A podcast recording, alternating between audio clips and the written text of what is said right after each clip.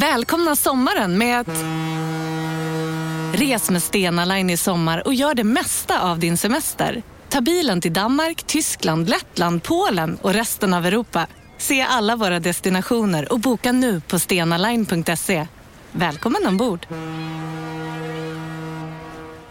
Hej, Susanne Axel här. När du gör som jag och listar dig på en av Krys vårdcentraler får du en fast läkarkontakt som kan din sjukdomshistoria. Du får träffa erfarna specialister, tillgång till lättakuten och så kan du chatta med vårdpersonalen. Så gör ditt viktigaste val idag, listar dig hos Kry. Ah! Dåliga vibrationer är att skära av sig tummen i köket. Ja! Bra vibrationer är att du har en tumme till och kan scrolla vidare. Alla abonnemang för 20 kronor i månaden i fyra månader. Vimla! Mobiloperatören med bra vibrationer.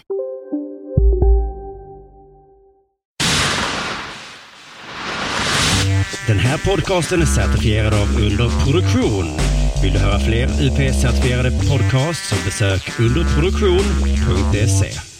Trevlig lyssning. Della Sport!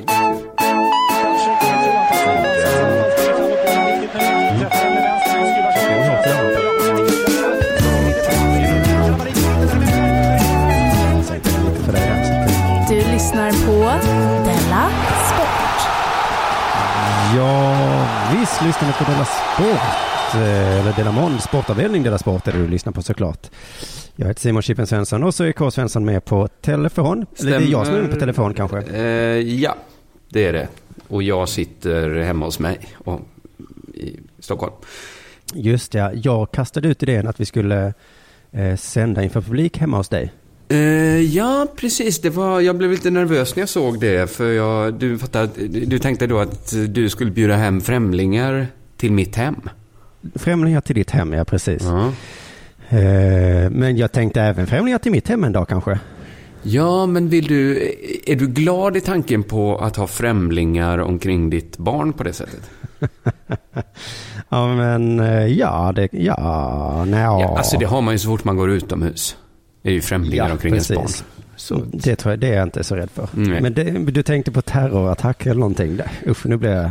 Jag tänk, nej, det, det tror jag är liksom så himla och ineffektivt sätt. Att, att ha en terrorattack hemma hos mig. Ja, om det hade varit onödigt. Det går att göra. Det är inte då. det som har stoppat terroristerna, att de inte fått komma hem till mig. Att det är ett lås på din dörr. Men du, eh, jag ska snabbt säga, alltså det är ju lite kul att du och jag gör podd. Vi är ju eh, två fjärdedelar, hälften av ståuppklubben under jord också. Det är vi. Detta är ju en UP-certifierad podd och Under jord är ju en UP-certifierad klubb. Så att det finns ju osynliga band som går under jorden och förbinder oss. Det gör det verkligen. Och under jord är inte bara en jättebra eh, ståuppklubb, utan det är faktiskt också så att under jord är det eh, anordnar Sveriges enda roast. Det är sant. Eh, det är ju inte dåligt att vi har liksom... eh, Det, det, det, Det var roligt att den liksom. var up for grabs. Sådär att man bara kunde claima eh, roast i Sverige. Just det. Att ingen annan har liksom varit där ens. Nej, och, så, och, så, och det var ju också tur eftersom ingen annan hade ju gjort det så bra som vi. Och i två år i rad har vi gjort liksom, varit helt fantastiska roastar. Och så nu är det dags igen, tredje året i rad, den 19 maj. Och i år är det Simon Gärdenfors Just det, som är- ska roastas. Eh, så passa på att köpa biljetter. De brukar alltid ta slut. Eh, I år har vi extremt mycket biljetter i och för sig. Men, eh, men de, de hade nog tagit slut tidigare år också. Ja, jag skulle säga så här att det här är en, sån grej som man åker en bit för. Så var det ju förra året. Då kom ju folk eh, i bilpooler och liksom gjorde, gjorde det till en rolig helg sådär i Malmö. Just det, ska vi kanske göra så att vi sänder Dela Sport, eh, kanske hemma hos Jonathan den 19, alltså samma dag, Ja, på just det. förmiddagen där. Det skulle Eh, vi så, kunna göra. Och så får ni komma dit och sen så kan ni titta in på roasten. Vi kollar med Jonathan först också. Det är väl en bra idé. Ja. Men han ja. bor ju så himla fint så jag tror att han blir glad för att visa upp sitt, Säkert, sitt säkert. hem. Vi har en sponsor till podden som heter bethard.com. Mm. Har du haft några upplevelser? Eh, ja, eh, upplevelse av besvikelse såklart när jag förlorade Ja. min senaste fyrling. Eh, men sen glädje också. Det går ju upp och ner när man bettar. Eh, glädjen kom inte av en vinst utan att jag såg att det går att spela på politik igen. Ja, ja, ja, det var ju din specialitet. Det är ju en av de få gånger jag har vunnit. Det var ju när jag vann 5000 spänn på att Trump blev eh, president. Just det, ja. Eh, Men nu är det ju franska valet. Jag har ju sett så att det är många som ska göra din grej nu. Att man spelar på Le Pens. Ja, men det är, alltså det är ju Macron och Le Pen som är kvar. Mm. Och de senaste gångerna då, om vi tar eh, amerikanska och engelska valet, så har ju alla experter haft fel. Och the dark horse, Trump och Brexit har vunnit. Just det. Men den här gången, jag får ändå säga så här att jag är lite säker på att Macron tar hem det. Aha, ja, ja. Men två saker fick mig att tänka om.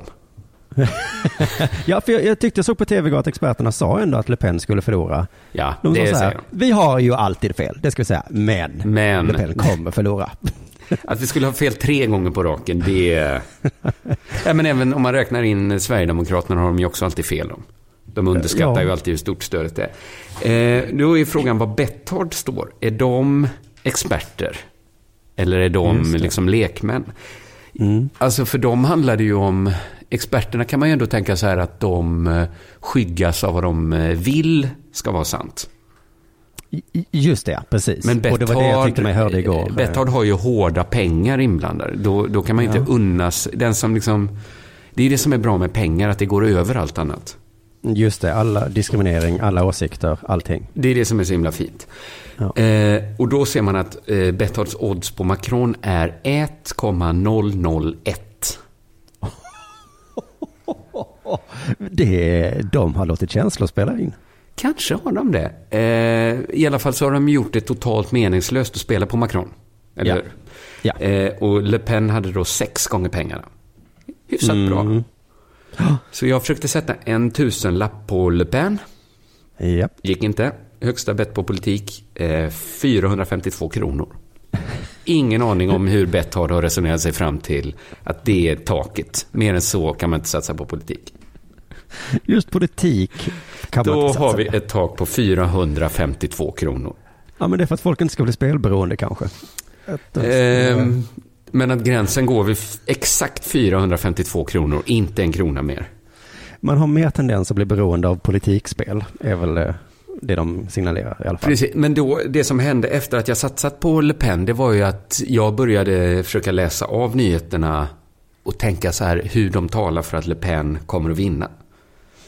Mm. Och det är då det andra skälet till att jag tänkte om och inte spela på Macron utan Le Pen. Det ena är att det är helt onödigt att spela på Macron med de oddsen. Och det andra är att ja, nu har man sett hur alla andra kandidaterna slutit upp bakom eh, Macron. Och det Ja. tror jag är det sämsta de kan göra. Ja, det var Verk- exakt så jag tänkte. Ja, men verkligen visa att valet handlar om Le Pen mot klabbet. För det har varit en idiotisk metod i England, det var en idiotisk metod i USA, att göra det till en enda tävling, etablissemanget mot Le Pen. Alltså, varför gör de inte så att de går ut och säger eh, hej, nu kommer jag rösta på Le Pen och så kan de ha eh, fota när de gör ljugekors som Ja. de kan lägga upp sen. Ja, så de kan göra sen ja. För att nu är det ju, nu går då alla utom Le Pen till val på att de är inte Le Pen. Och Le Pen går till val på att de är Le Pen. Så Ja, det här, alltså- det- vi får, för mitt betts skull hoppas vi att det funkar för Le Pen, det här framgångsreceptet som funkat eh, för Trump och Brexit och Sverigedemokraterna. Ja, just det, för din eh, ekonomiska skulder. Ja. Ja. Eh, Så där är jag när det kommer till Betthard. Väldigt roligt att Betthard, frisk, liksom pikt av dem att få in franska valet här. Det är ju ett superspännande val och blir nu ännu mer spännande om pengar är in, inblandade. Just det, för sådana politiknördar som dig så är det, är det perfekt.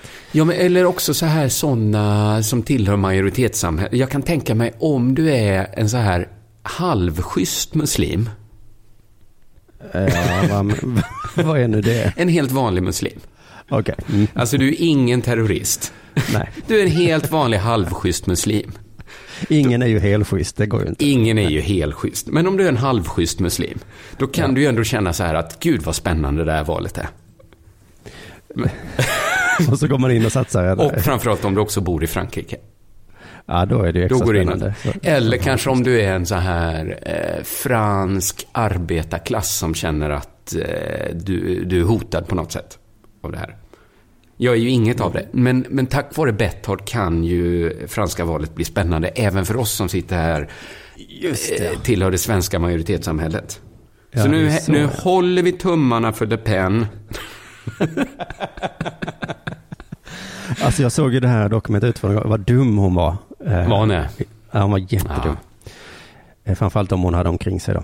Ja. Men du, jag satsade ju på en fyrling, eh, li, lite, vad heter det, bara för att eh, visa dig och Jonathan att det inte går. Jag, gjorde så här, ja nu ska ni, nu ska ni minsann Nu få se. ska ni få se här när Mm, pappa och så- förlorar. och så- Ja, eh, ett skitsnack här går. Och, mycket riktigt, jag förlorade. Det var ju fyra superenkla matcher eh, och vann tre av dem då. Men Napoli Ah. spelar lika mot Sassuolo, ett bottenlag där. Och, Ja, Men det är det, ju som är så- fyrlingens paradox skulle jag säga, att man kan aldrig tippa lika i fotboll. Nej, särskilt inte i fyrlingar. Alltså det Nej. känns ju... Men man vet att en av fyra matcher slutar ofta lika. Just det, just det. Det, ja, det har du fan helt rätt i. Statistiskt kommer en av fyra sluta lika. Jag tror inte, jag tror jag kan ha haft fel, att fyrlingar är inget bra. Man ska ner på tre. Sen hörde någon av sig på Twitter och visade en Bethard sjuling Oj. som han hade satt. Som satt. Det, det är hatten av. Det är till och med byxorna av tycker jag. Bra spelat. Men vad blev det i odds då? Typ så här 20 någonting eller? Nej, åtta tror jag någonting. Oh, det var en säker sjuling. Ja, det var, ja, men det finns ju inga säkra, Nej, det finns inga säkra sjulingar. Så, sa vi precis. Du sa att det inte finns några säkra fyrlingar, Simon. Ja, just det. Och, så, och så har jag ju sagt att man inte får satsa på allsvenskan, eller som jag kallar den, skrällsvenskan. Ja, det är väldigt bra. Men jag vann ju då på att Sirius eh, slog Norrköping. Riktig skräll där, fem gånger pengarna. det. Så det var ju härligt. Så nu har jag satsat 250 kronor på att Sirius ska förlora. Men vänta nu, håller du och Jonathan på och vinner hela tiden bakom min rygg? Eh, ja, jag förlorar ju också. Det är det ja, som är min också. Ja. Jag, jag satsar på många olika och så vinner jag en av dem. Mm. Eh, och så har jag satsat ganska mycket pengar på allsvenskan för jag tycker det, är så höga odds där på liksom saker som... Eftersom det är så himla svårt, ja. Ja. Men är det så höga odds att man skulle kunna... Kommer de någon gång räkna fel Betthard så man kan tippa på alla oddsen? Etta, kryss, tvåa. Jaha, ja det räknefelet. Ja. Men då måste man nog själv vara duktig på att räkna. Men det, eller så är allsvenskan så himla klurig så att det skulle kunna uppstå sådana matcher där. Där inget alternativ är särskilt trovärdigt. Nej, just det, det är sex odds på allt. Ja, det är över ju tre det på alla. oddset. Det, ja, men så är det ju på riktigt egentligen. Nåja, Betthard.com sponsrar den här podden. Det är därför vi talar så gott om dem. Eh, eh, och det är därför de är, de är ju härliga, per definition. Ja, alltså, jag går in på deras hemsida med glädje. Det är, det är roligt att tippa ju. Mycket kul. Men du, eh, har det hänt dig något sen sist? Ja, jag eh, kanske blev antroposof häromdagen. Jag tror jag blev det. För att Är det något man blir sådär? Jag tror det Det är, är det ju inte, exakt men- den typen av saker man bara blir sådär. Mhm. Är det, men vadå, eh, scientolog eller eh, muslim eller frireligiös på något annat sätt? Det är väl något man bara blir sådär. Ja, men det kanske har föregåtts av en lång tankeprocess. Jag tror inte det. Jag tror att man blir scientolog av att gå på stan, ta ett stresstest och sen är man med. Ja, ja, men då tänker man ju att de redan, att, jag tänker att man redan lever ungefär så. Så tänker man, men då kan jag ju, Jag tror att man lever tvärtom och tänker att ah, det är helt tvärtom jag ska göra. Att man gör en sån George Costanza. Att hela mitt liv har jag gått runt och försökt fylla mitt liv med liksom tomma kalorier och snabba kickar. Men det är ju scientolog jag ska bli. Jag gör tvärtom. Ja just det. Men är det framförallt mat eller jag vet inte riktigt vad på så. Eh, Jag har inte kollat upp så noga, men det var, det var, vi höll på och skulle, vi har, vi har haft så här diskussioner hemma om det är bra eller dåligt med dagis. Aha. Och då har vi lutat ganska mycket åt att det är nog ändå ganska dåligt med dagis. Ja, ni är mycket av familjen tvärt emot. Så att det är väl klart. att- Ja, men jag tänker så här att dels eh, så, eller framför allt kanske att barnen blir ju sjuka och får löss av att gå på dagis. Eh, ja, det och sen de ju... tar de hem sjukdomar och så blir man själv sjuk och ens partner blir sjuk. Så att tre människor blir sjuka, jag tror knappt att det är en ekonomisk vinst att ha barn på dagis. Så mycket som man måste vara hemma med dem ändå.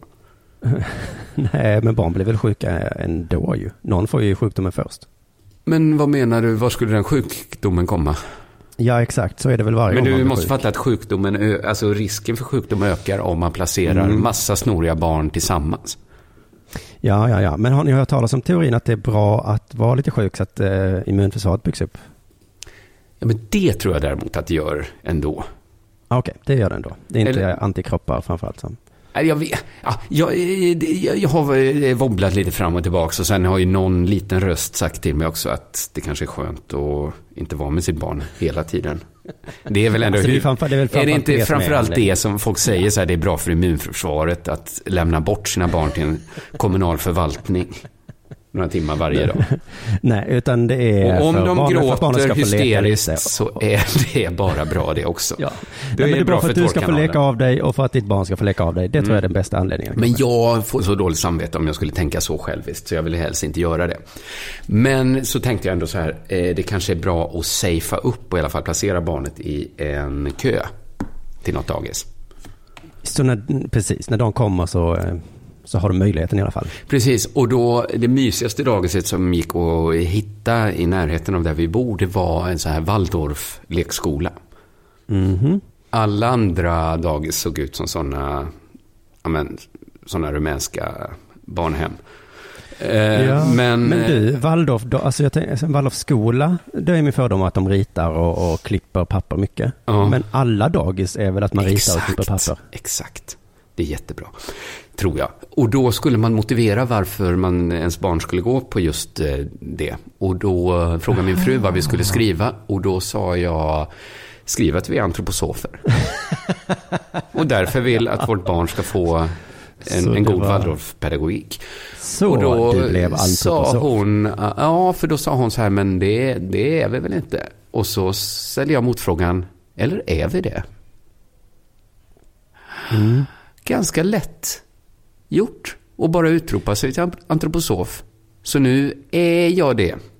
Och jag ska Ja. ta reda på mer om vad det innebär. Jag tror, jag tror att det finns nästan inga nackdelar med att vara antroposof. Ja, alltså det finns ju nackdelar med att vara allt. Mm, Eh, Så eh, det är klart att det finns. det är men, klart det eh, finns men, någon nackdel. Men det är klart att det är ingen dum idé tror jag att utropa sig som någonting. Nej. Och sen så har du alltid det att luta dig mot när du ska hamna i, i, i och ska välja saker. Ja, precis. Att då kan jag alltid tänka, vad skulle en antroposof göra i det här fallet? Och så gör jag så. Jag, jag, jag ser jättemycket fram emot att fördjupa mig i eh, antropologin. Antroposofin. Antropo... Antropos- Det ska jag vara mycket eh, bättre på helt enkelt. Har det inte... Och sen- ja. Och sen tror jag också att om det skulle hända någonting att det är så här, man får inte ha eh, eh, basker på sig när man är på turné om man ska vara Mm. antroposof. Då kan du starta din egen eh, En, utbry- en rörelse. fraktion som bryter sig ut. Ja. Baskerantroposoferna. Men jag tror inte de, de är inte så mycket för förbud och sånt där. Det är mer att man ska ha lite så här, en viss färgskala kanske.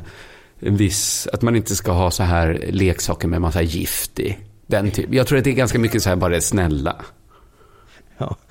Inte leksaker med gift. Nej, Man kanske det. måste, en gång om året måste man så här eh, bygga en docka av Agnes Wold och tända eld på den. Men det är liksom det enda jobbiga att vara antroposof. Men det har, det har du redan gjort kan jag tänka. Ja, det har jag redan gjort. Eh, så det är inga problem. Men det, eh, det känns härligt att vara så esoterisk. Har det hänt dig någonting sen sist? Ja, igår kväll blev, var, jag, var jag ute och åkte rullskridskor och så blev jag så fruktansvärt arg. Jaha. Himla, himla, himla, himla arg på Jonathan, vår kollega. För, jaha. Ja, men jag lyssnade samtidigt som jag åkte rullskridskor där så lyssnade jag på Dela Art från förra onsdagen. Jag hade glömt lyssna på det. Mm. Och så blev jag så vansinnigt arg. Jag lugnade mig lite sen. Men eh, bara kände vilken jävla fitta han. Ja, alltså. men eh, tänk på Alltså språk. fy fan. Aj, aj. Det förvånade mig lite att jag kände så. Ja, mig med. Vad hade han gjort som var så hemskt? Alltså han berättade en sån här liten rolig historia om hur jag hade köpt dator åt honom för hans pengar. Just det. Och han bara, åh, vad är det här? Varför gör du så här mot mig? Jag kan köpa en dator själv om jag behöver en. Och man bara, vad knasig jag är. Mm. Men var det så det gick till verkligen? Nej, det var det ju inte. Nej. Alltså, vilken tvättäkta mytoman. Och inte nog med, alltså, alltså om jag då får berätta den så som den var. Nu är ju inte Jonathan här och kan försvara sig, ska vi säga också. Nej. Så hade han eh, hur länge som helst inte haft en dator. Det här var ju i Della Sports gryning kan man säga, eller en mellanperiod där. Ja. Han kunde knappt göra Della Sport. Han ringde mig och sa, ja jag kan ju inte förbereda mig för att eh, jag har ingen dator liksom. Nej, men jag kommer ihåg den här tiden att han gick in till Sveriges Radio och satt där och lånade en dator. Så eh, var det ja. Och sen så reste han iväg och så skulle han spela in och det gick inte. Eh, och jag bara, det var liksom ofta så att, ja men det går inte nu för att jag har ingen dator och så, och så, och så var det. Och så hör ju till saken också att hans stora problem är ju att han kan inte fakturera. Nej. Och det frågar alla mig varför han inte gör och ja, jag vet inte. Jag har ju bytt nu till ekonomiska avdelningen. Gud vad de tar hand om ja, ja. Gud Ja, vad de precis. tar hand om. Det är som, det är som att vara på en så här spa-weekend. Att, eh, att, att låta dem ta hand om ens pengar. Och så var ju jag med Jonathan. Mm. Vi var på turné och sånt och då var jag hans sparavdelning liksom. Jag tog hand om alla fakturor, alla liksom, eh, kvitton och, och betalade hyror och skit. Och sen så kunde han bara fakturera ut sin del. Och liksom, eh, jag var en sparavdelning, eller en assistent kan man säga, ekonomisk Ja, assistent. ja, just det, just det. Gratis då. Mm. Eh, och så hade han ingen dator och så sa han så här, jag kan inte köpa en dator för jag har inga pengar. Och så sa jag, ja men du har jätte, alltså jag har, det är ju skitmycket pengar här som du bara inte tar ut. Ja, men jag fakturerar ju inte, sa han. Och så sa jag då, men är det okej om jag köper en dator till dig då för de pengarna? Så Ja. du kan, och så sa han, ja, eh, tack så mycket. Så jag åker till jävla Emporia, det är ingen kul eftermiddag det. Köper en datajävel till min kompis som en tjänst för att vara lite snäll. Ja. Också lite då för att Dela Sport ska kunna göras liksom, men, men framförallt vara vara snäll. Och det är liksom inte då att jag är, att jag är hans ekonomiska assistent, jag är dessutom hans personal shopper vid det här laget. Alltså jag känner mig som en sån vindflöjel för nu är jag ju på din sida helt plötsligt. Ja, och allt det här gör jag för att han ska kunna spela dataspel och dricka sprit istället då, för att göra sånt. Mm. Och sen så började han ta upp det här kvittot som jag behöll och ni Ja, skrattade vad hände så gott att jag kvittot? Behöll det med kvittot. Ja, det tog du. Ja, det var klart att jag behöll det. Det var ju min Ja, firma som hade köpt som köpt datorn. datorn ja. Om jag inte hade behållit det då hade det ju varit mina liksom, privata pengar som hade köpt. Det, var, det tyckte han var det rimligaste. Men Nu så här i Jonathan, efterhand. han kan ju ingenting om ekonomi.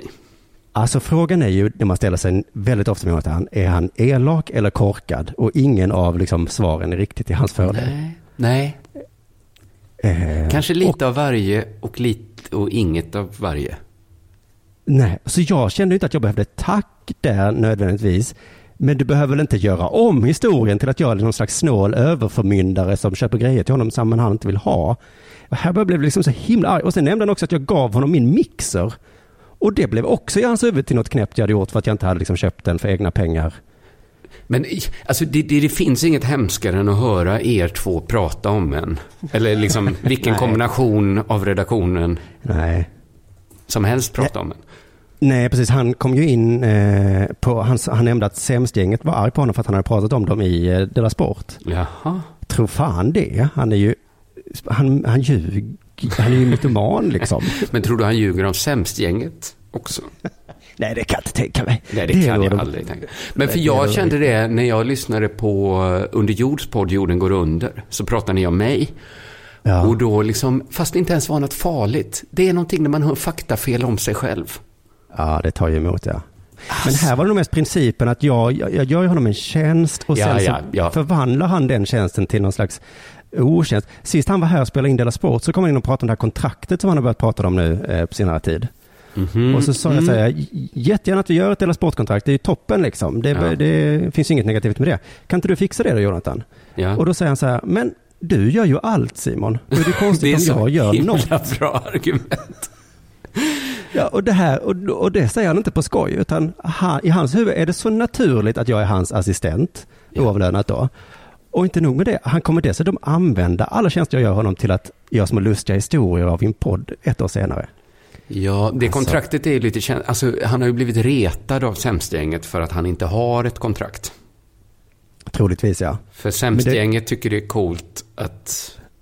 att Men det är intressant de det här kontrakt att den som hade tjänat på kontraktet är ju jag. Mm. För att i det kontraktet skulle det väl stå då att om jag gör allt, då ska väl jag ha lite mer pengar än dig Jonathan, skulle jag gissa att, att det Just skulle stå i det kontraktet. Ja, kanske. Men, men så, så det beror på hur duktigt han förhandlar.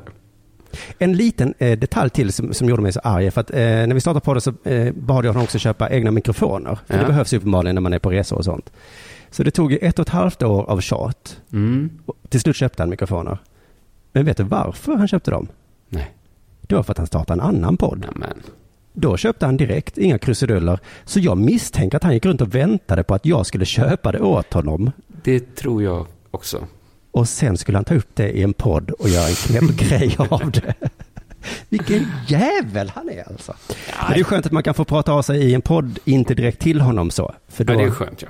Det är, Det är det är, väldigt mycket skönt. Så då har jag fått det ur mitt system nu och eh, då är det väl dags för det här.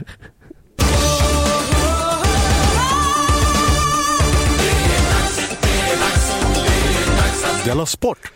Jo. Du, eh, förlåt. ja. Jag, när jag eh, tänkte att jag skulle berätta den här så tänkte jag att det här kommer bara bli tråkigt. Så jag tänkte jag måste få berätta en rolig sak som hänt mig också. Ja, men gör du det? Att i helgen så, så undgick, undvek jag en sån jävla kula. Helt Jaha. fantastiskt. Att det var YouTube Con, eller vad det heter, i Malmö. Aha. Alltså en mässa med alla YouTubare. Okej. De samlar alla dem i, i Svenska Mässan här i, i Malmö, eller vad fan den heter. Och mitt barn älskar YouTubare, så han har tjatat liksom flera månader på att få gå. Mm. Och biljetterna kostar 450 kronor styck, så att jag tänkte så okej, då ska jag betala 900 spänn för att få träffa Carl Stanley. Aha. Ja. ja. Och om jag inte gör det så är det liksom nästan det elakaste jag gjort, för han liksom det enda han gör är att kolla YouTube. Liksom, så, att, eh, så det här måste jag göra. Och så plötsligt, i sista stund, så vill han inte gå. För att... Ja, jag vet inte. Jag ställer inga följdfrågor på det. Nej, nej. Jag sa, vill du inte gå? Bra, tack. Fast om du hade köpt eh, biljetter för 900 kronor, då kanske du ställt lite... Om du hade hunnit göra Ja. det, Det då var ju följdfrågorna att- kommit. det var ju väldigt nära att för en månad sedan att jag köpte då, för att det var någon slags early bird. 350 kostade de då.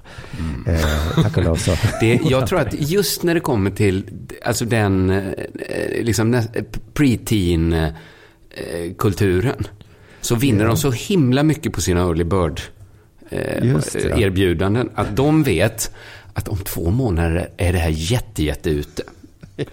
Vi måste Ja. lura föräldrarna att köpa nu. Då är det så här, YouTube? Ah, aldrig i livet. Aj, aj, vi ska på eh, Snapcon. Nej, precis. Så det var väl antagligen att de hade sålt 2000 biljetter var 500 dök upp. Så var det, ska man tänka sig.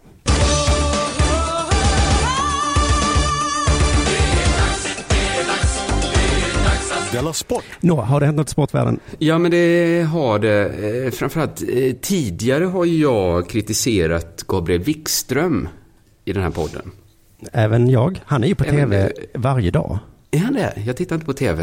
Han, Han är... han är på. Agenda varje gång i alla fall. Aha, ja, ja, ja. Han är idrotts och folkhälsominister kan vi säga för de som inte vet.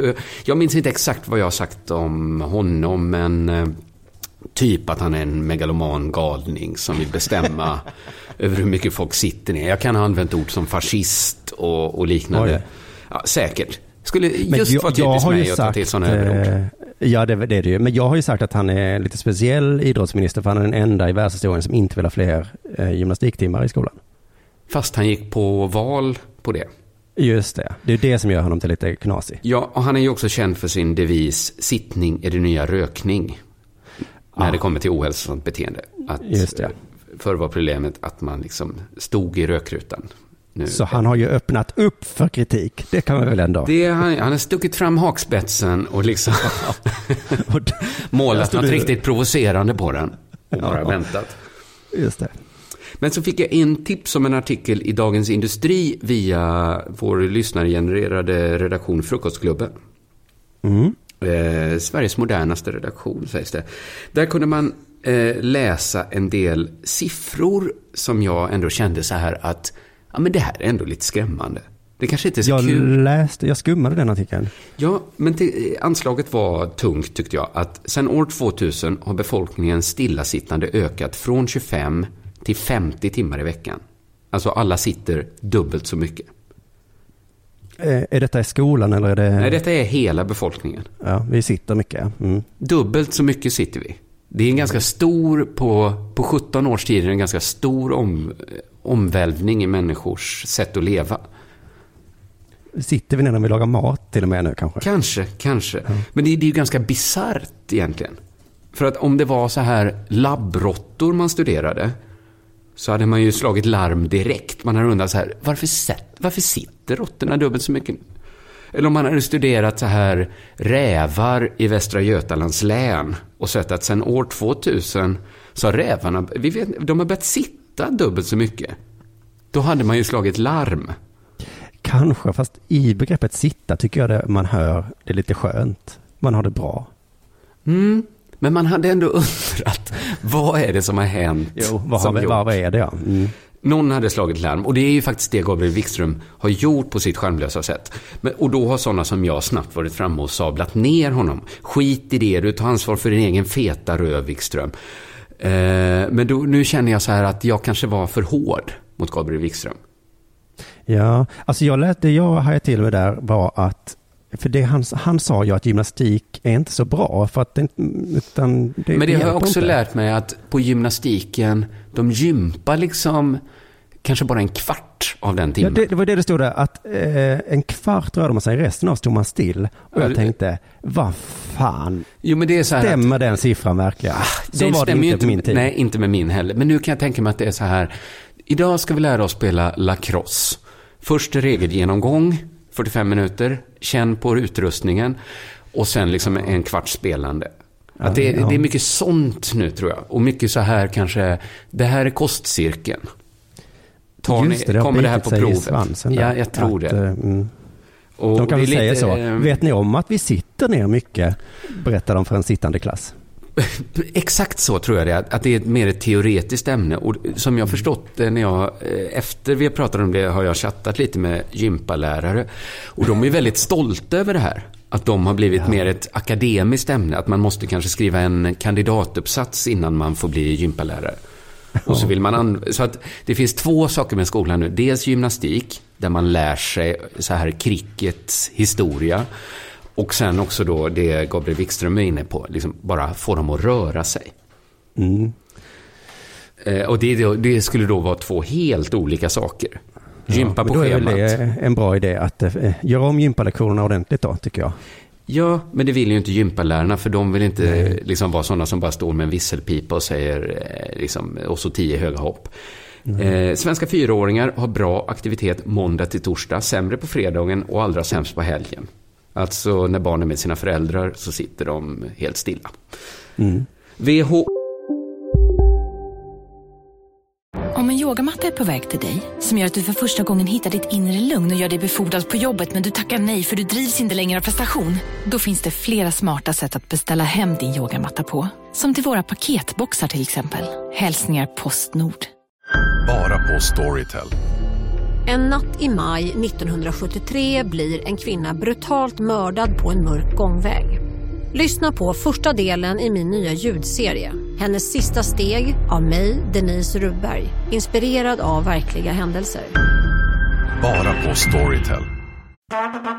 Det där var för att uppmärksamma er på att McDonalds nu ger fina deals i sin app till alla som slänger sin takeaway förpackning på rätt ställe. Även om skräpet kommer från andra snabbmatsrestauranger som exempelvis Ma... Eller till exempel Burger...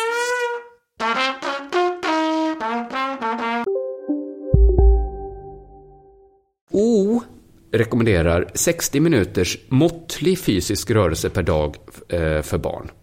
Och det kan då vara utomhuslek, bollspel, gång och träning. Och tre gånger i veckan bör ett barn röra sig så mycket så de kommer upp lite i puls. Och jag tycker att det här låter ganska lite. Ja, alltså när man tänker på sin egen barndom, men jag vet inte om det stämmer, men jag för mig Alltså då jag skulle ju hela jämt. veckans behov vara fyllt på en eftermiddag. Ja. Men eh, det finns tyvärr inga svenska studier. Men i Danmark som har ungefär samma eh, livsstil som vi, enligt Dagens Industri, eh, så är det bara 10% av pojkarna och 2% av flickorna som kommer upp i 60 minuters fysisk aktivitet per dag. I USA Nu ska det ju sägas att eh, vi absolut inte har samma livsstil i Danmark och Sverige. Nej, Det är ju eh, raka motsatsen skulle nej, jag säga. det Som besöker Danmark då och då. Att eh, där sitter man ner och tar en öl och en cigg. Men barnen, Simon. Även barnen ja. Även barnen gör detta. Men okej, det finns inga svenska studier, men vi får väl lita på att lite likt är väl ändå Danmark-Sverige. Ah, okay då. Lite likt. Och då känner jag så här, är inte det, alltså, nu ska vi inte ta till överord som när vi sablar ner Gabriel Wikström här, men är det inte helt stört? Hur är det ens möjligt att få ett barn att inte röra på sig 60 minuter om dagen? Hur ser det ut på en svensk skola? Hur ser det ut i ett svenskt hem? Där man liksom undviker att barnet rör på sig i 60 minuter på en hel dag. Ja, jag har ju ett barn. Ja. Ehm, 60 minuter måste det barnet få ihop, va? ja, han cyklar till skolan till exempel. Men eh, Ja. det är ju mycket med hans Rubiks kub senaste tiden. Då sitter han ju fan bara där. Ja, ja. Men han måste göra något annat än att, Ja, han spelar ishockey tre gånger i veckan, så det är klart att... eh, mm. Jag tror att han kommer upp i 60 minuter om dagen utan problem. Ja, Men alltså medlet är att i Danmark då, att bara 10 procent, bara 2 procent av flickorna. Alltså det, det är ju helt stört ju. Och vi, vi, har, Ja. vi har ju pratat tidigare i Della Sport om vem barnen tillhör. Föräldrarna eller staten? Ja. Det är ju statens barn som du tar hand om. Eftersom staten kan komma hem till dig och ta tillbaka barnen om du inte sköter dem. Mm. Men, Min, eh, min sambo har ju det som jobb. ja, till exempel. Men jobbar med att ta barn. oavsett vem det är, så nu är det ju ingen som tar hand om barnen då. Inte ens om man lägger ihop tiden när barnen är hemma eller när de är i skolan så kommer man upp i 60 minuters fysisk aktivitet. Så har det blivit så att, okej, det, det känns ju hårt att säga att det är statens barn. Men om man säger så här att det är staten och familjen har delad vårdnad om barnen. Så har ju båda parterna blivit McDonalds-föräldrar i så fall. Ja, alltså vet du vem jag lämpar över mitt barn på? Nej. Carl Stanley. Nej men, Han är ju mitt barns barnpassare. alltså via YouTube då. ja just det. Så Just att det är, och, ja, Så att det, ja men Carl Stanley är ju McDonalds i det här fallet. ja, okej. Mm. Men då, kan, då borde ju inte staten också vara McDonalds förälder. Nej. För jag Men hur på det här att staten är det då? Varför, vad gör staten Men de rör ju inte på sig i skolan heller. Okej, skolan Nej, är kommunal då, men, men det kommer ju ändå statliga dekret. Och jag, jag har tänkt på det här att nästan alltid när min dotter ramlar, eh, ramlar med huvudet före i golvet. Eh, så är det när både jag och Anna passar henne. När vi har liksom delad. För då tror man att den andra har koll och så unnar man sig att tappa fokus. Båda får för sig, den andra har koll och så trillar hon. Så är det det som har hänt? Att ingen riktigt vet att hemma tänker man så här, nej men rör på sig, det gör de så mycket i skolan. Och skolan Ja. tänker, ah, rör på sig, det gör de så mycket hemma. Det är min enda eh, liksom konklusion kring det här. Kan det vara, att- eller liksom gissning. Ja, men skolan hade ju ansvaret, det vill jag ändå minnas. Det var det så här, nu har vi gympa i skolan för de som inte har en aktivitet. Sen har de tydligen brustit på det då. Men var det så bestämmer. uttalat att skolan har absolut hela ansvaret och inget... Det kanske inte behövdes ansvar för när, när det var helt naturligt för ett barn att röra sig mer än eh, Nej, nu har 60 minuter. labbråttorna, labbråttorna börjat sätta sig ner ju. Så då, Ja, och då, ja. Jag vet inte, det var inte världens roligaste. Men jag tyckte att den var lite eh, aktualiserad, lite skrämmande. Och jag, framförallt vill jag ta tillfället i akt och be Gabriel Wikström om ursäkt för alla hårda ord. Men eh, om utvecklingen fortsätter, alltså tänk så mycket vi kommer sitta ner då. Fan vad skönt. Alltså kommer det mer och mer stolar. Det är eh, väldigt mycket så här negativa eh, ska man säga, konsekvenser kopplade till att sitta mycket. Ja, alltså, du det. tänker att det är skönt, ja. Ja, ja men som att äta på McDonalds varje dag, fan vad gott. Men det är ju också depression, eh, livsstilssjukdomar och sånt där. ja, man kommer in till chefen och chefen säger inte sätt dig ner, utan chefen säger ställ dig upp. Eh, det Man kommer, man kommer in sittandes. Ja. är det okej att jag ställer mig upp? Ja, ja, det är klart. Känn dig som hemma. Stå upp, herregud. Du behöver inte känna att du måste sitta. Nej. Är en lärare kommer in, alla eleverna sitter ner och så bara ställ. Nu börjar lektionen, nu får ni fan ställa er upp. Det, Ja, förr ställde man väl sig upp när rektorn kom in. ja, just det, det var väl i sig så. Ja, Det är det man har slutat med.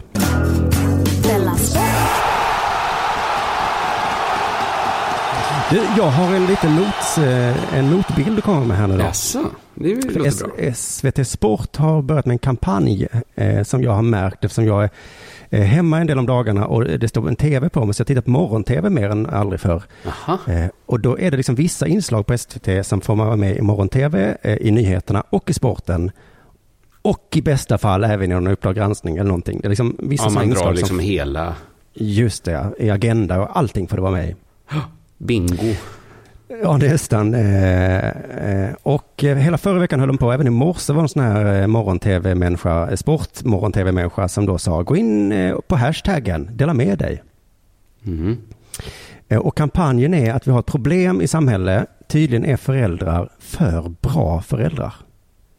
För bra föräldrar. Så himla bra för att de, eller vi då, vi stöttar våra barn så jävla, jävla mycket. Och det är inom idrotten då det handlar om att de intervjuat av tränare, framförallt hockeytränare, som tycker att föräldrarna är så himla engagerade. Så de liksom tittar in i kameran och säger snälla, ni måste sluta vara så engagerade. Ja, okej. Ja, men mm, mm. Jag ser Och- det framför mig lite ändå, en, en för engagerad hockeypappa. Ja, visst kan man säga. Det är ju mycket att de springer fram och tillbaka och skriker sådär. Men en morgon då var det en hockeytränare som berättade hur dåliga föräldrar kan vara. Så vi ska lyssna på den tränaren då. Vi tränar två till tre gånger i veckan. Och då menar du att någon som pushar sitt barn lite extra hårt, Ja, precis. eh, och hur mycket blir det då? Ja, för ett sånt barn kan det bli ytterligare tre gånger i veckan. Man letar tomma tider, man åker på allmänheten. Klockan sju en lördag morgon, tre mil härifrån. Ja, ja. Alltså, jag har ju sett kanske föräldrar som har hyrt egna hallar. Eh, en söndag morgon eller lördag morgon i Salem klockan sju åker dit med sina grabbar, hink med puckar och står och skjuter. Liksom. Ja, alltså det är föräldrar som hyr hallar för sitt barns skull. Aha, aha. Och de tränar så tre gånger i veckan, men sen så hyr de hall tre gånger i veckan till. Och jag kände på mig själv, alltså du ska se mig när jag går på min sons hockeyträning. Då åker jag dit lite surt att jag måste åka till Limhamn. Sen sätter jag mig i soffa eh, med min dator, kollar mail, spelar spel, jobbar lite grann. Ibland tittar jag upp lite tvunget sådär för att visa intresse. Men känns inte det skönt att du ligger så, att du är så perfekt kalibrerad? Jo, du men jag har tar alltid hockeyträningen, men du är inte för engagerad. Du blir liksom ingen galen psykopat direkt så fort du kommer in i en ishockeyhall. det här tar mitt engagemang slut. Men jag trodde att jag var en dålig förälder. Eh, alltså om inte engagerade mig i mitt barn tillräckligt mycket. Men jag är tydligen en jättebra förälder där. Jag tror det då. Ja, så de intervjuade någon idrottspsykolog som sa att föräldrar förväxlar eh, barnidrott med elitidrott. Mhm. Och då tänker jag, är det inte det som är skillnaden mellan bra barn och dåliga barn på sport alltså? Alltså de som, tar det på ser allvar det som, jo, och de som inte tar det på allvar. det är ju lite just, eh, sport blir ju roligare, precis som mycket annat, om man engagerar sig i det. Och tycker att det är det viktigaste i livet. Ja, och sen så är det också roligt, är ju en sak, men om man vill bli bra så tror jag det är superbra att ha föräldrar som är engagerade.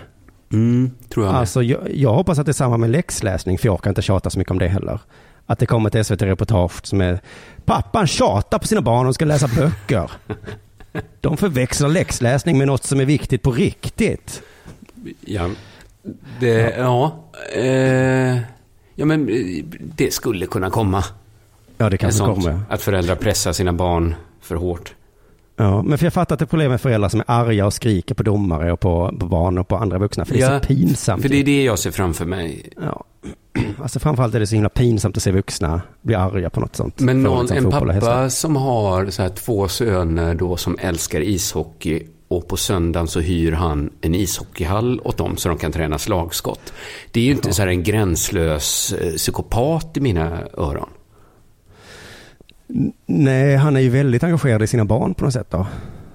Ja, men min fru har berättat om hur liksom hästmänniskor är. Att då får man, eh, om man då, då, då lägger liksom man resten av livet tar man på standby och så lever man resten av sitt liv på att liksom åka på olika hopptävlingar runt om i Sverige.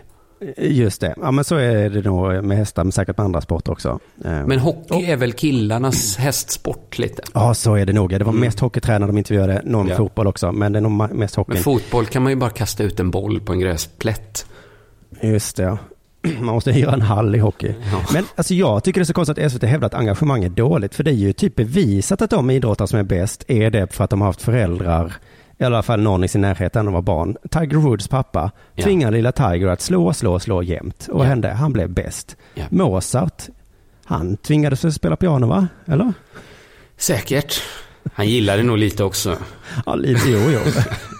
Tyckte det lät så hemskt, men uh, han stod ut för pappa Men det ville. var inte bara det att han hittade ett piano själv där. Nej, men jag tror att hans pappa var också jätteduktig pianospelare. Och så eh, pushade han nog lite Amadeus ändå att hålla på med det. Så jag tänkte hjälpa SVT, för att jag har hittat, när jag letade efter exempel så kom jag på ett exempel på andra hållet. Mm. Och det är ju Zlatans pappa. Ah, Okej, han ville Jag- aldrig att Zlatan skulle hålla på med... Nej, det vet jag inte, men jag, enligt Zlatans bok där i alla fall så köpte han ju knappt mat hem. Zlatan gick hungrig hemma. Och Ja, hans det är pappa väldigt satt lågt och engagemang. Ja, han satt och drack öl, var aldrig på någon träning. Han var mest full och sånt. Eh, Det kan ju vara att Zlatan är lite av en mytoman som Jonathan här. Att när Zlatans pappa läste den boken, att han också bara, vad fan? Så jag körde det dig varje dag, stod där i regn. Och sen kommer det en bok där det tydligen var tvärtom. Kanske, men, Björn Borg är väl också sån, eller liksom bilden av Björn Borg är att han bara stod och nötte mot en garageuppfart ju. Det känns Ja. inte som han hade superengagerade föräldrar. Nej, kanske inte det då. Men så då, eh, och då, enligt den boken i alla fall, så, var, ville ju Zlatan liksom överbevisa, eller liksom visa sin pappa sådär. Nu ska Mm. du fan få se att jag blir bäst ändå. Så det tänker jag att eh, de skulle, de har den här hashtaggen föräldrahets. Så kunde de ha en sån membild på Zlatans pappa i nätbrynja. Idealet. Ja, vill du att din son ska bli bäst i världen på fotboll? Ja, var som Zlatans pappa liksom. Men sen kommer det också gå att hitta något motexempel. Ja, vi har ju Tiger Woods pappa då. Precis. Man får välja. Vill du att det. son ska bli som Zlatan eller som Tiger Woods så får man välja det. Men de ser alltså det som ett superproblem att föräldrar engagerar sig i sina barns... Ja, för jag blir ju avundsjuk. Tänk om mina föräldrar hade hyrt hall till mig. Jag hade fan blivit bäst på hockey då. Men Det ibland gick ja. jag och mina kompisar ihop och hyrde en gympasal. En, gym, en liksom inomhusfotbollshall. Vi, Ja. trots att vi spelade inomhusfotboll hela liksom vinterhalvåret så kunde vi ändå liksom inte få nog. Och det var ju de roligaste dagarna. Jag tycker det låter så himla kul att någon hyr en hel hall åt en. Ja, nej, det är ett märkligt in- initiativ. Men jag tror de vill stävja föräldrar som gör bort sig. Det är ju såklart jobbigt. Jo, men är det inte bättre så här, skrik inte liksom fitta åt domaren när, när P9 spelar Kalanka Cup. Precis, det är ju det, är det de vill komma åt. Eh, jag. Så, så det hade ju räckt. Mm. De behöver inte ta exemplet den här underbara pappan som hyrde en ishockeyhall åt sina söner. Han måste ju... Han måste titta på bilden av Zlatans pappa och fundera på hur blev jag skurken här? Vet, alltså, han är ju den, eh, han är ju jag i Jonathan-exemplet där. Ja, det, det verkligen. Vad fan hände här nu? Jag hyrde en hallajävel, gick upp klockan sju en söndag morgon. Han måste ju känna sig som Gabriel Wikström när han lyssnar på Della Monde. Här försöker jag få de här överviktiga barnen att bara röra sig 60 minuter om dagen. Det kan handla om att gå. Du är fascist. Ja, det är fan inte lätt att göra rätt. Du lyssnar på Della Sport.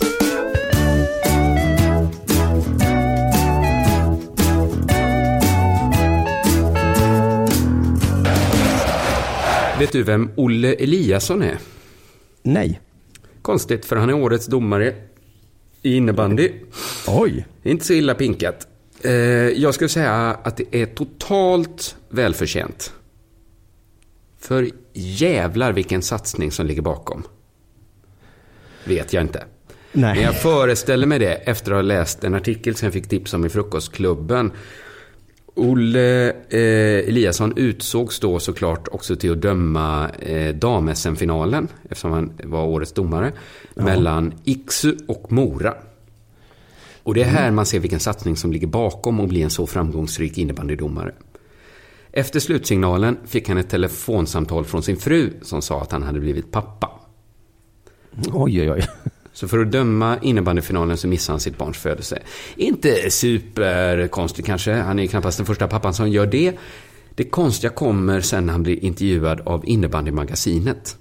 Ja. Under är han natt- ångerfull eller är han... Mm, Nej. Under natten hade Eliasson blivit pappa för en andra gång. Det stämmer bra, jag blev farsa i natt, säger Eliasson. Det blev han ju, han var ju redan farsa då. Men, Ja. men han blev farsa en gång till, eller han, han blev tvåbarnspappa. Just det. Så Olle Eliasson blev tvåbarnspappa natten mellan fredagen och lördagen. Sen dömer han en match på lördagen som börjar klockan 12. Efter den matchen får han veta att hans fru fött barn. Så han sov inte ens hemma natten innan han ska döma en match? Nej.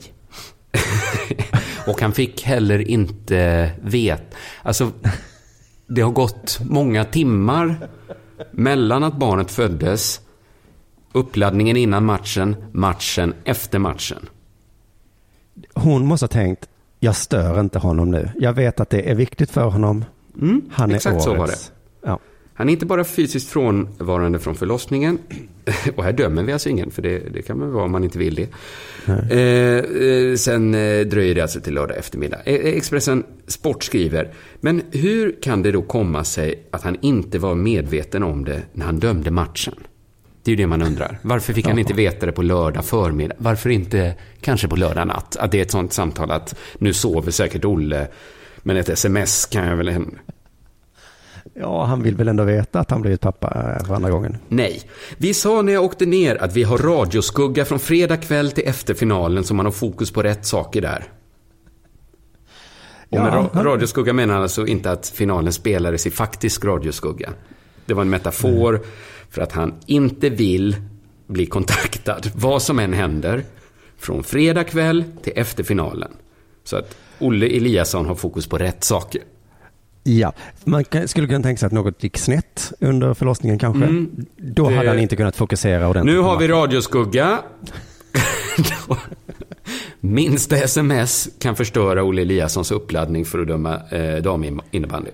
Alltså, det här är ju skamligt för alla allsvenska fotbollsspelare som, eller fotbollsspelare överlag som säger så, jag kan inte vara med i landslaget på tisdag för att... Min fru Nej, kanske ska föda någon gång Ja. mellan de här, det här intervallet. Just det.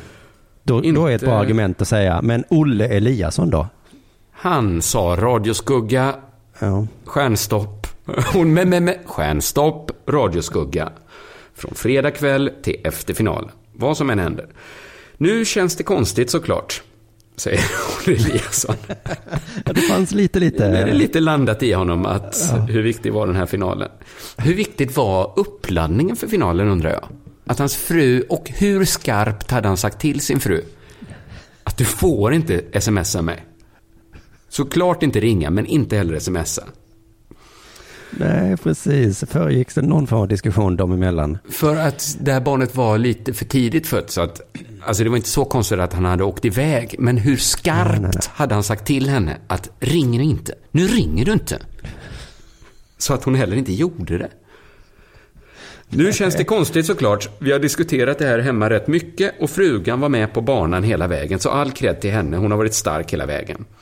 Ja, jättestark, tycker jag. Framför allt efter förlossningen tycker jag. Att hon inte trotsade mobilförbudet. Tänk på radioskuggan. Inget får störa Olles uppladdning för att döma innebandy. Nu kommer verkarna tätare. Tänk på Olle och hans viktiga arbete. Vill inte bli störd. Nej, det hjälper ingen om jag smsar min man nu. Nej. Nej, Allra verkarna minst gör inte mindre själv. ont. eh, Nej, det gör de inte. All cred till Olles fru. Inte namngiven i artikeln. Får jag avsluta med en grej då? Alltså, du har en grej till? Ja, som du inte en meddelat mig om. Jaha, vad spännande. Ja, men det är för att jag känner mig lite mm, hamnat i kläm. Antingen tycker jag att sportartiklar är för dumma eller så är de för intelligenta. Och det finns inte riktigt något för mig. Nej, nej, nej. Du tänker, antingen är det en eh, köpt travartikel eller så är det en essä av Erik Niva. Ja, det kan vara så här. eh, Bollen gick i mål. Juventus gjorde mål. Och jag bara, ja, jo, jag såg Målet matchen. betyder 1-0 för Juventus. Och vill jag då ha en mer intellektuell utmaning får jag då läsa som du säger Niva eller Simon Bank. Men Mm. plötsligt så förstår jag ingenting längre. Eh, Ah. Och jag skulle ändå säga att jag kan jättemycket om fotboll. Jag tror jag kan mest av alla i Dela Sportredaktionen. Eh, garanterat. Inte om man räknar in frukostklubben då, men Nej. Den innersta kärnan. Eh, Efter fa Cup semifinalen som jag lite hade på i bakgrunden mellan Chelsea och Tottenham så vann då Chelsea 4-2. Och det var en jämn match som Chelsea vann ganska enkelt. Det var min analys. Mm. Eh, Så ska jag läsa stycken ur Simon Banks artikel då här. Juventinon Conte mot Bielsistan Pochettino i ligakamp och fa Cup semi. Vad menar han med de där konstiga... Ja, eh, Conte är en tränare för Chelsea och Juventinon tror jag betyder att han har varit i Juventus någon gång. Okej. ja. Bielsistan har jag ingen aning om eh, vad det kan vara. Sen så skriver han då gegenpressing, taktiktavlor och rävspel. Modern football's coming home. Ingen aning faktiskt Nej, vad det nej. betyder där. Gegenpressing. Gegenpressing. Modern football's coming home. det är så jävla konstigt, han byter språk mitt i alltihopa. Men inte Eh. modern, modern fotboll, är det totalfotboll? Eller vad är modern fotboll? Jag tror För- modern fotboll är olika saker. Ja, nej jag vet inte. För jag trodde att eh, modern fotboll var holländsk fotboll. Och att då om den kommer hem, då kommer, det, där var väl Ital, It- är det- eller är det Italien som är hem? Det är väl hem för den klassiska fotbollen, trodde jag. Ja, ja, det, ja vi får det, som sagt, det är svårt att förstå. Han fortsätter, runt Wembley kunde man sniffa lika mycket revolution som stekt lökrök. Mhm. Eh, Den spelades då på fotbollsstaden Wembley, så långt jag är med. Men att man kunde sniffa revolution, jag vet inte vad han Nej. syftar på här. Nej. Här på Wembley spelade lagen med siamesiska uppställningar 3-4-3 med två sittande mittfältare två, med tvåvägsuppgifter för grundoffensiva spelare och tre spjutspetsar längst fram. Mhm. Här är jag, så att jag nästan förstår, siamesiska uppställningar, jag tror han menar likadana. Ja, att den är, vad ska jag säga, eh, ja, spegelvänd. Ja, just det. Men man säger inte så riktigt va? Eh, nej, kanske inte. Nej, nej men det är Om väl, vi- han försöker väl ha ett lite blommigare språk bara. Ja, just det. Om vi har likadana tröjor på oss någon gång så säger vi, vi har ju siamesiska tröjor. Det kanske vi inte säger. Men ibland så säger man ju så att man gungar tvilling. Ja, just det. Eh, och, inte och inte så ofta längre. Det var länge sedan jag gungade tvilling med någon. eh, Ja, men då har du rätt. Ska man gunga siames kanske man gungar exakt likadant. Exakt, exakt. Eh, sittande mittfältare, det är ett, ett begrepp som man hör lite då och då. Jag tror ingen vet vad det betyder bara. Nej, nej, jag vet inte alls. Sittande, nej. Tvåvägsuppgifter är också ett sånt eh, Ja, nej. ord. Eh, om jag, jag skulle gärna höra någon förklara då vad en sittande mittfältare med tvåvägsuppgifter är för någonting. Det kan vi säkert fråga i frukostklubben så kan... eh, Ja, det skulle bli intressant, för jag tror att förklaringen kommer att vara korkad. Men jag vet inte, jag har fått för mig att sittande är ett annat ord för defensiv. Aha. Att man är liksom bara... Att man är släpande. Släpande, sittande, ja något sånt. Tvåvägsuppgift gissar jag att det är ett annat ord för både offensiv och defensiv. Aha, ja. Så en sittande tvåvägsmittfältare, Men inte alla mittfältare både offensiva och defensiva? Att det är lite det som är grejen med mittfältet? nej men det, det är en ny grej med fotboll att en är lite mer fram, en lite mer bak. Mm. Ja, sen fanns det en skillnad också som man eh, hittade då. Skillnaden, den som gjorde matchskillnaden var att Spurs, det är Tottenham då, Mm. eh, spelade med playmaker-egenskaperna medan Conte satsade helt och fullt på flygande fart. Så att Tottenham Mm. spelade då med playmaker-egenskaper. Jag vet inte vad det är. Nej, det är väl att man passar va? Playmake. Men alltså att ha en spelfördelare på mitten. Ja, just det. Och Chelsea satsar mer på fart. Men jag tror inte på detta. Kan man inte satsa också- på båda? Jag tror att båda satsar på båda. Att det är klart man hade fart i sitt playmakeri och det är klart att Chelsea var tvungna att playmaka lite med sin fart. Någon måste väl playmaka? Alltså, alltså det är så jävla dumt. Sen så får jag säga, Dembele vann fysiskt, Christian Eriksen var bäst på planen, Harry Kane och Dele Alli tandem-terroriserade Chelseas mittbackar. Så det är alltså att de... Det båda tandem är det är som att vara siamesiskt. Det är ett annat... För att... är det att han kräver många eh, synonymer på att göra samma sak? Ja, när det är något som är två stycken så kan det vara siames eller... Eller tandem. Eller, eh, de åkte tvillingsulky över hela spelplanen. De... det var eh, styrdans från Spurs sida. Chic to chic. Ja men vilka ord som helst går väl bra känns det som. Här, ja. Är- Spurs lanade sig fram. De var uppkopplade mot samma server, hela gänget. Likt The Borg i, i Star Trek så... Mm, De hade stereo inställd på sin receiver. Ja, det är metaforer på, på olika håll och kanter här. Eh, vi fortsätter. Du kan bygga långsiktigt, få fram en armé av unga inhemska talanger. Värva rätt, träna rätt, äta rätt, spela rätt, knyta skorna rätt och lyssna på precis rätt sorts delfinpip för att slappna av om kvällarna. Men till slut gäller det ändå att ta det där sista steget som är så lätt att se, men som är så svårt att definiera. Du måste bli någon som vinner. Mm. Så det här är ju hans analys här. Det ena laget vann. Mm. Ja. Det, det, Det är inte var mycket man kan analysen. göra åt det sen med... Nej. Så varför är de bäst? Jo, förstår du, för att de vann. Fler är bollar i ingen- nät. Det är ju ingen bra analys här. Det är många liknelser eller metaforer, men Men var det... det är. Ja, precis. Men det är ju att de alltid landar i sådana luddigheter. Så, men till syvende och sist så var det som hade vinnarskalle. Ja. Så, att de bränner först lite. mycket tid på att liksom analysera för att sen landa i något ganska självklart. Just det, så analyserandet har ju ingen betydelse egentligen när de Nej, väl slutar med... inte faktiskt, nej. nej. Så var det, vann de för att de hade sittande mittfältare? Nej, det var för att de tog det sista steget. Aha, vad är, det sista, vad är det sista steget då? Det går inte att definiera. Nej, tyvärr. Nej, det är ju lite så. Man kan se det, men det går inte att definiera. Avslutningsvis här då, eh, tränaren i Tottenham här. Mauricio Pochettino står här nere med händerna i rockfickorna. Antonio Conte semaforvinkar sönder sin kostym. Vet inte. Men är semaforer det som flaggalfabetet? Nej, jag fick googla vad semafor var. Det är någon slags signalsystem med ljus som man har på tå- räls, eh, Aha, t- ah, ah. tågsystem då. Ja, ganska nära ändå. Ja, det var ganska nära. Men jag vet fortfarande inte hur man semaforvinkar då. Och sen Nej. vinkar han sönder sin kostym. Det tror jag inte han gjorde. Vinkade han med kostymen? Som en Att han- flagga. För i så fall är jag av- ännu närmare att ha rätt. Han tog kanske av sig kostymen och hade liksom byxor i ena, en kavaj i andra. Ja, eller... Som en galning. Mm. Semaforvinkade. Ja, det, är, det är nästan omöjligt att knäcka de här koderna. Nej, så att jag skulle vilja hävda, stiga ut hakan och säga att Simon Bank kan ingenting om fotboll, men han är väldigt bra på att liksom hitta på olika sätt att beskriva fotboll på. Halvbra tycker jag. Ja, sen så kanske, ja, eh, det skulle vara spännande att se mig i liksom en sån här, vad heter det, match mellan eh, mig och Simon Bank. Se vem som kan mest. Det är ja, spännande och spännande.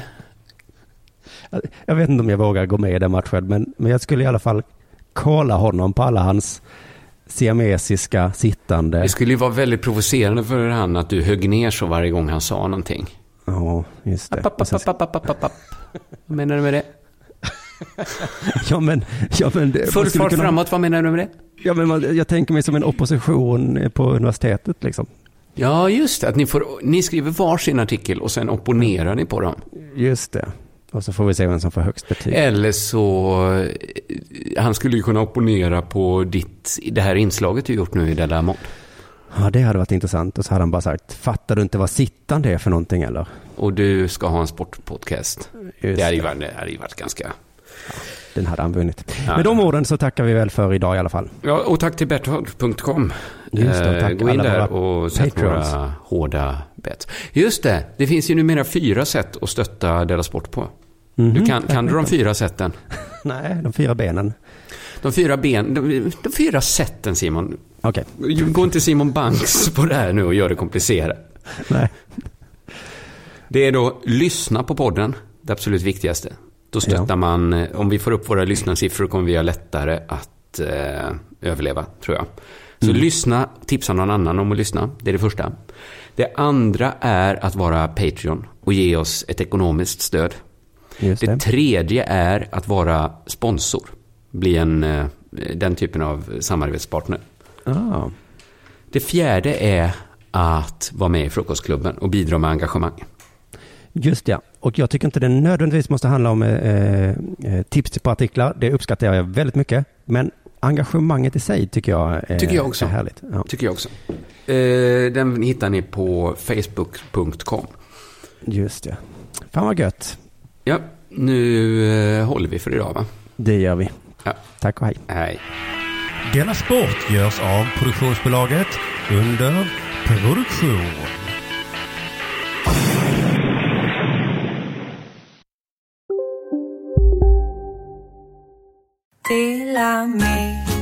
Hej! Är du en av dem som tycker om att dela saker med andra? Då kommer dina öron att gilla det här. Hos Telenor kan man dela mobilabonnemang. Ju fler ni är, desto billigare blir det. Skaffa Telenor familj med upp till sju extra användare. Välkommen till någon av Telenors butiker eller telenor.se. Demideck presenterar Fasadcharader. Dörrklockan. Du ska gå in där. Polis? Effektar? Nej, tennis tror jag. Pingvin. Alltså jag fattar inte att ni inte ser. Va? Nymålat! Men det var många år sedan vi målade. Demideckare målar gärna, men inte så ofta. Kolla menyn. Vadå? Kan det stämma? 12 köttbullar med mos för 32 spänn. Otroligt! Då får det bli efterrätt också. Lätt! Onsdagar är happy days på IKEA. Fram till 31 maj äter du som är eller blir IKEA Family-medlem alla varmrätter till halva priset. Vi ses i restaurangen på IKEA.